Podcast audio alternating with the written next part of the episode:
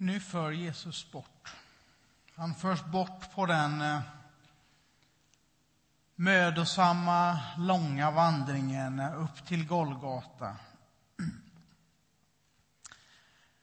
Men den här vandringen mot korset hade pågått mycket längre än den stund det tog att gå från Jerusalem till avrättningsplatsen.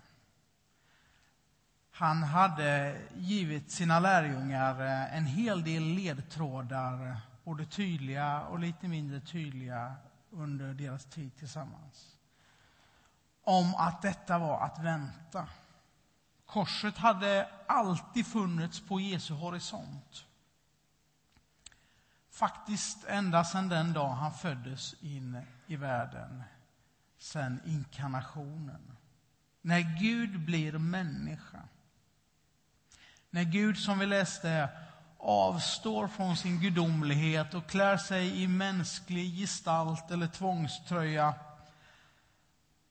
Allt sedan den dagen har korset hägrat på horisonten. Gud väljer att bli människa som oss i allt. Och därigenom också väljer att följa människans väg till vägs ände, döden. Och idag, på långfredagen, händer det. Jesus dör på korset. Och han dör på en, på en massa olika vis, skulle man kunna säga. Visst, han dör det där döden som vi först och främst tänker på, den fysiska döden frambringad av kroppens begränsningar, förekommen av smärta, och den långa tortyren och den grymma behandlingen, det avrättningssätt han utsätts för, så ger kroppen till slut upp och slutar fungera. Och under tiden så lever Jesus varje sekund nyktert och med öppnade ögon och tackar nej till all den lindring som han erbjuds genom vin med olika tillsatser, till exempel. Han väljer att känna varje slag och varje steg ända tills han ger upp andan. Och när du och jag känner att vårt liv det smärtar oss, när vi känner av våra kroppar, vår begränsning efter en hård dag på jobbet, eller slagen av en sjukdom, eller när olyckan är framme och liksom eh, gör att vi får bära en börda med vår kropp, så har Jesus redan känt det i sig och vet hur vi har det. Men han dör så många andra dödar idag, Jesus. Han dör socialt sett. Naken och helt avklädd, både värdighet och status och kläder, släpas han genom en stad. Han hånas. Han blir offentligt förnedrad och slagen med smuts och blod och tårar blandade över hela kroppen får han en törnekrans på huvudet, ett plakat för att fortsätta hånet som en hel stad kan se. Han är lämnad av alla idag. Samhället och ordningsmakten lämnar honom därhän. Fansen och supportrarna, alla dessa framgångssupportrar som verkade heja på när det gick som bäst, är nu borta. Till och med vännerna är långt borta borta. De nära lärjungarna, de har förnekat honom. Till och med Gud känns idag långt borta när han uttrycker sitt min Gud, min Gud. Varför har du övergivit mig? Så den dag vi känner oss lämnade, ensamma, när vi har svårt att lita på våra vänner eller andra människor, när vi känner oss nakna, när vi är berövade vår status, utan värdighet inför andra människor. Eller när vi bara fortfarande väntar på att Gud ska ge sig till känna och dyka upp i vårt liv, så vet vi att Jesus, han förlorade allt idag och sjönk så djupt en människa kan sjunka också socialt. Jesus dog också en juridisk död. Var det ett justitiemord vi läste om? Alla tycks veta om att Jesus egentligen är oskyldig. Ingen vill egentligen döma honom. Herodes, lydkonungen, han försöker komma undan och Pilatus, den romerske ståthållaren, är också säker på att han är oskyldig. Officeren som står vid hans sida räknar honom som rättfärdig. Till och med de två förbrytarna som korsfästs vid sidan om Jesus vet instinktivt att han är oskyldigt dömd, men ändå dömd och avrättad.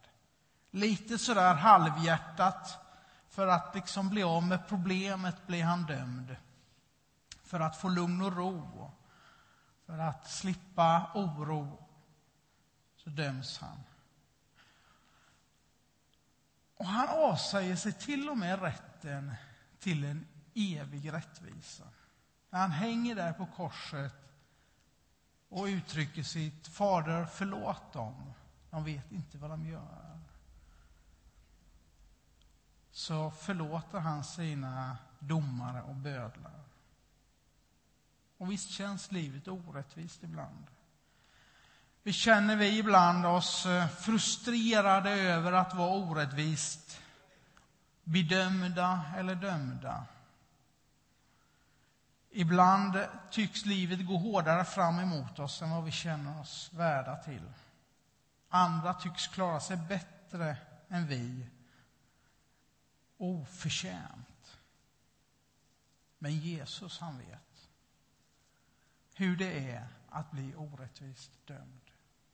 Han finns redan i den erfarenheten. Men också hela Jesu arv dör denna dag. I denna stund dör hans livsmening bort, allt det han levde för. Allt det han hade byggt upp av lärjungagemenskap, av efterföljarna, de tolv, kvinnorna, den stora skaran nyfikna anhängare, de är nu borta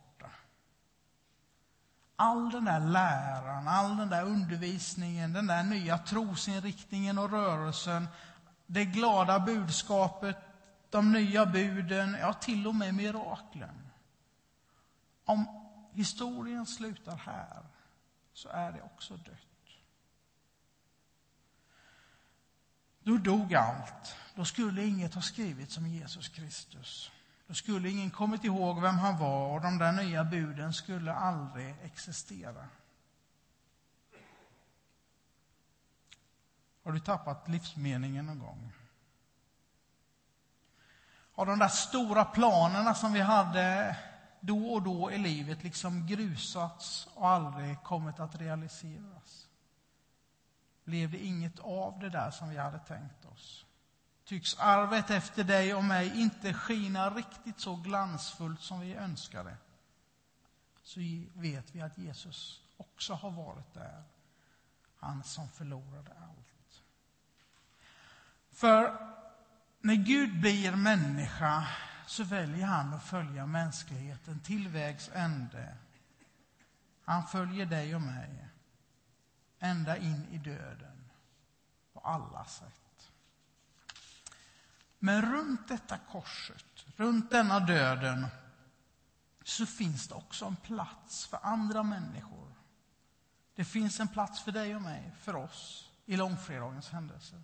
Runt korset finns faktiskt en skara. Vi möter dem i texten vi läste. Vi möter eh, först och främst Simon, han från Kyrene, som tvingas hjälpa Jesus med korset. Förvisso inte frivilligt, men bördan blir för tung även för Jesus för att bäras ensam och då kallas Simon från Kyrene in. Han eh, möter Herren och involveras i Guds räddningsplan för mänskligheten. Och det gör någonting med honom. Markus evangelium identifierar hans söner som var kända i församlingen. Så det hände någonting med Simon i sitt möte med Herren.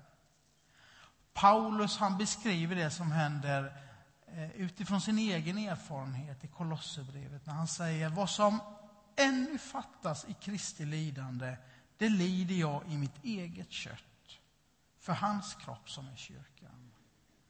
Och redan tidigare hade Jesus gett en eh, inriktning och en eh, förklaring på det här. När han är tidigare i Lukas evangeliet säger att den som inte bär sitt kors och följer mig kan inte vara min lärjunge. Och han poängterar av vikten av också deltagande i Kristi lidande. Så också du och jag idag kallas till att ta vår del av korset och involveras i Guds frälsningsplan för människan här idag.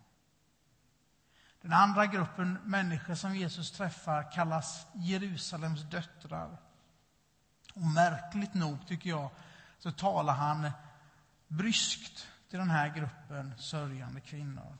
Men läser vi lite noggrant så ser vi att egentligen rör deras uttryck sig om någon slags sentimental fromhet, någon distanserad sympati som verkligen inte leder till ett förändrat liv.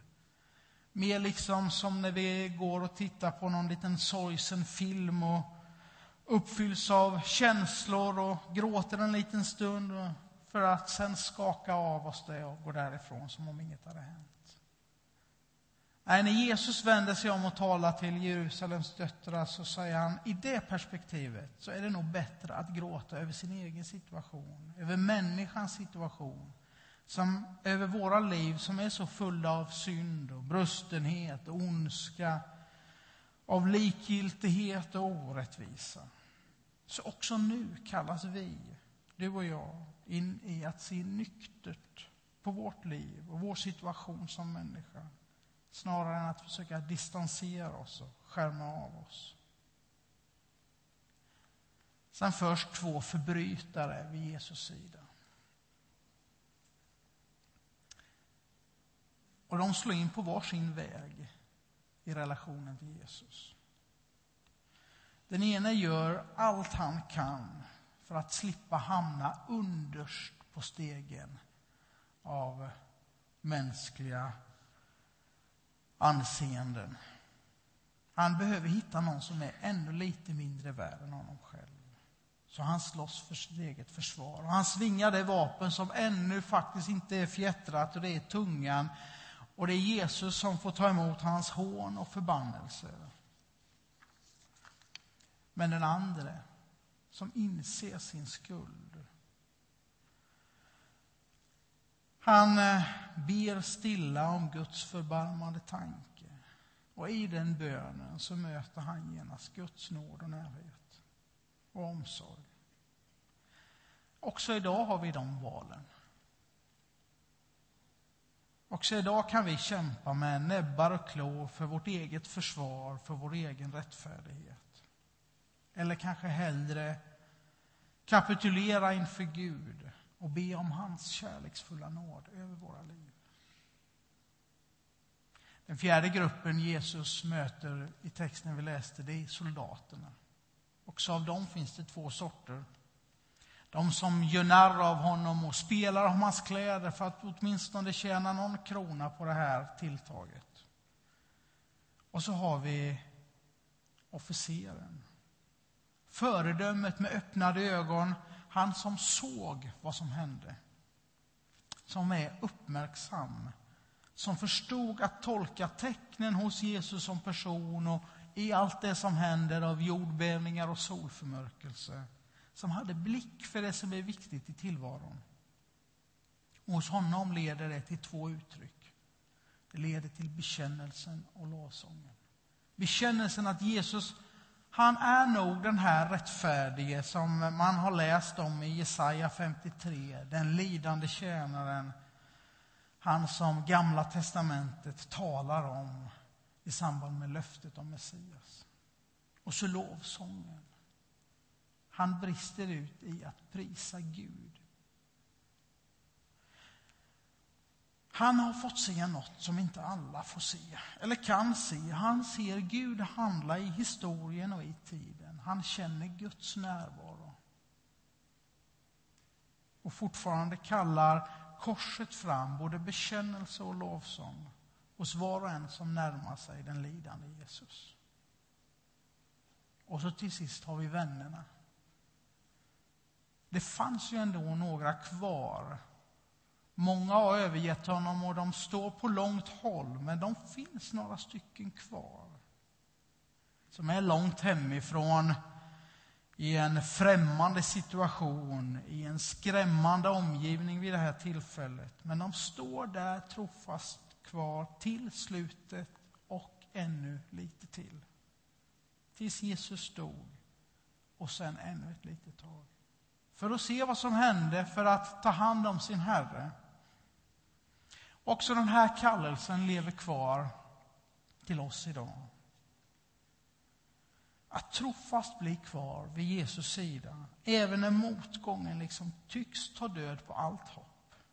Och sen ännu lite till. Till slut verkar det för mig som om Jesus lever en variant av den berättelse han själv har berättat när han predikade. Han berättar om den förlorade sonen Sonen som eh, vill ha ut hela sitt arv och lämna sin far. Säljer det han har för att liksom eh, leva ett liv på annan ort. Gör slut på arvet och hamnar i misär och förnedring och får till slut ut fattig och hungrig, vakta svin åt en rik man. Till slut så kom han på tanken att återvända hem och då står den välkomnande fadern där och tar emot honom.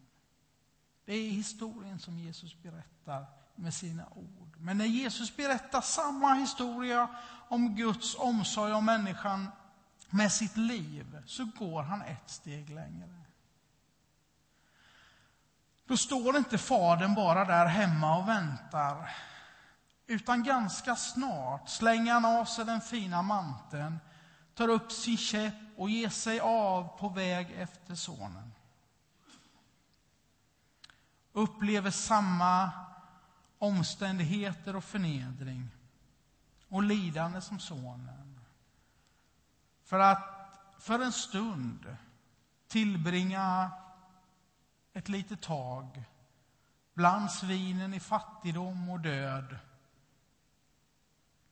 innan färden vänder hemåt, mot Faderns hus och festen. Eller med Jesu egna ord. Sannerligen, jag säger er, om vetekornet inte faller i jorden och dör blir det ett ensamt korn. Men om det dör ger det rik skörd. Låt oss be.